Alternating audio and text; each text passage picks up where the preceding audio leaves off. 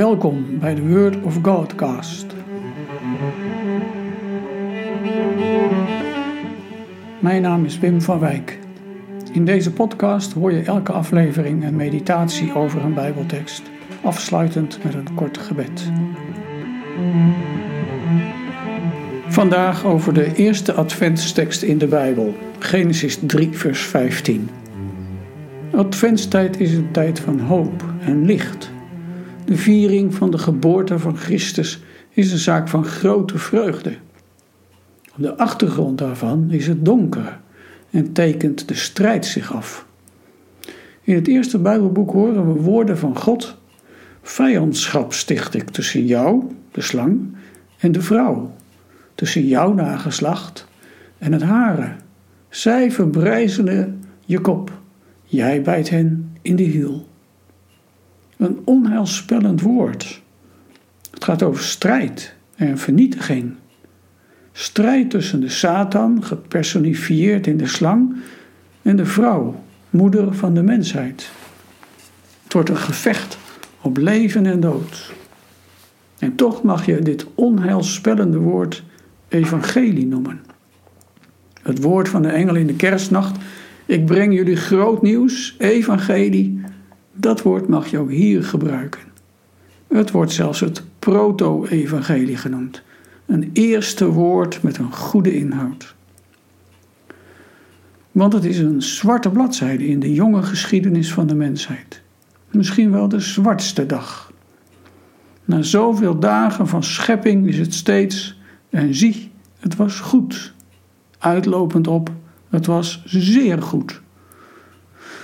Tot het moment van onbedachtzaamheid en ongehoorzaamheid. Het eerste mensenpaar overtreedt Gods gebod.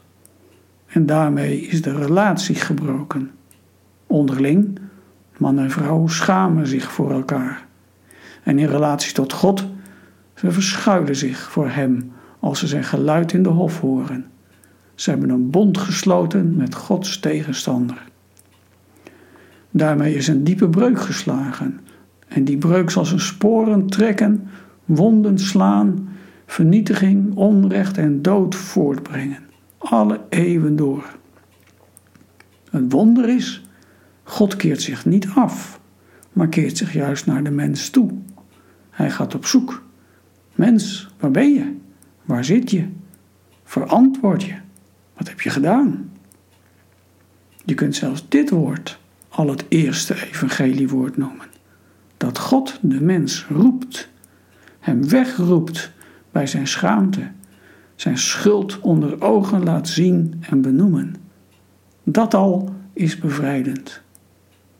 En dan trekt God Satan en mens uit elkaar. Jullie horen niet bij elkaar.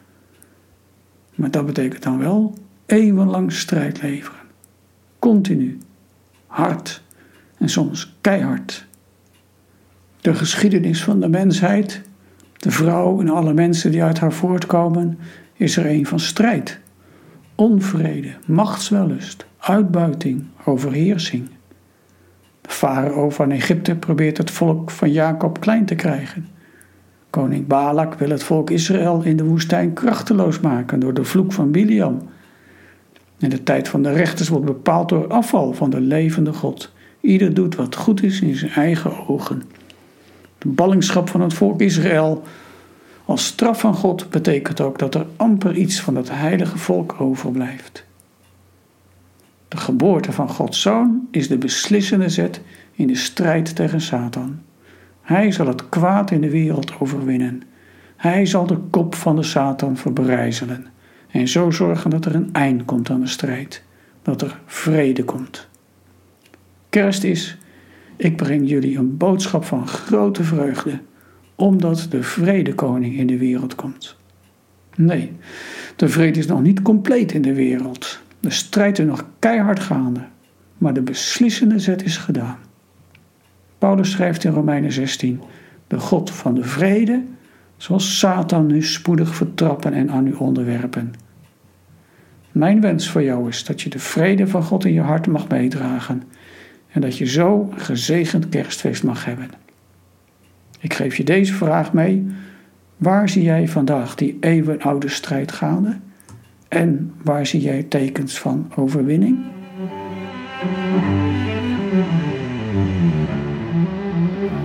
Wij bidden, God, dank voor uw inzet om de strijd te beslechten.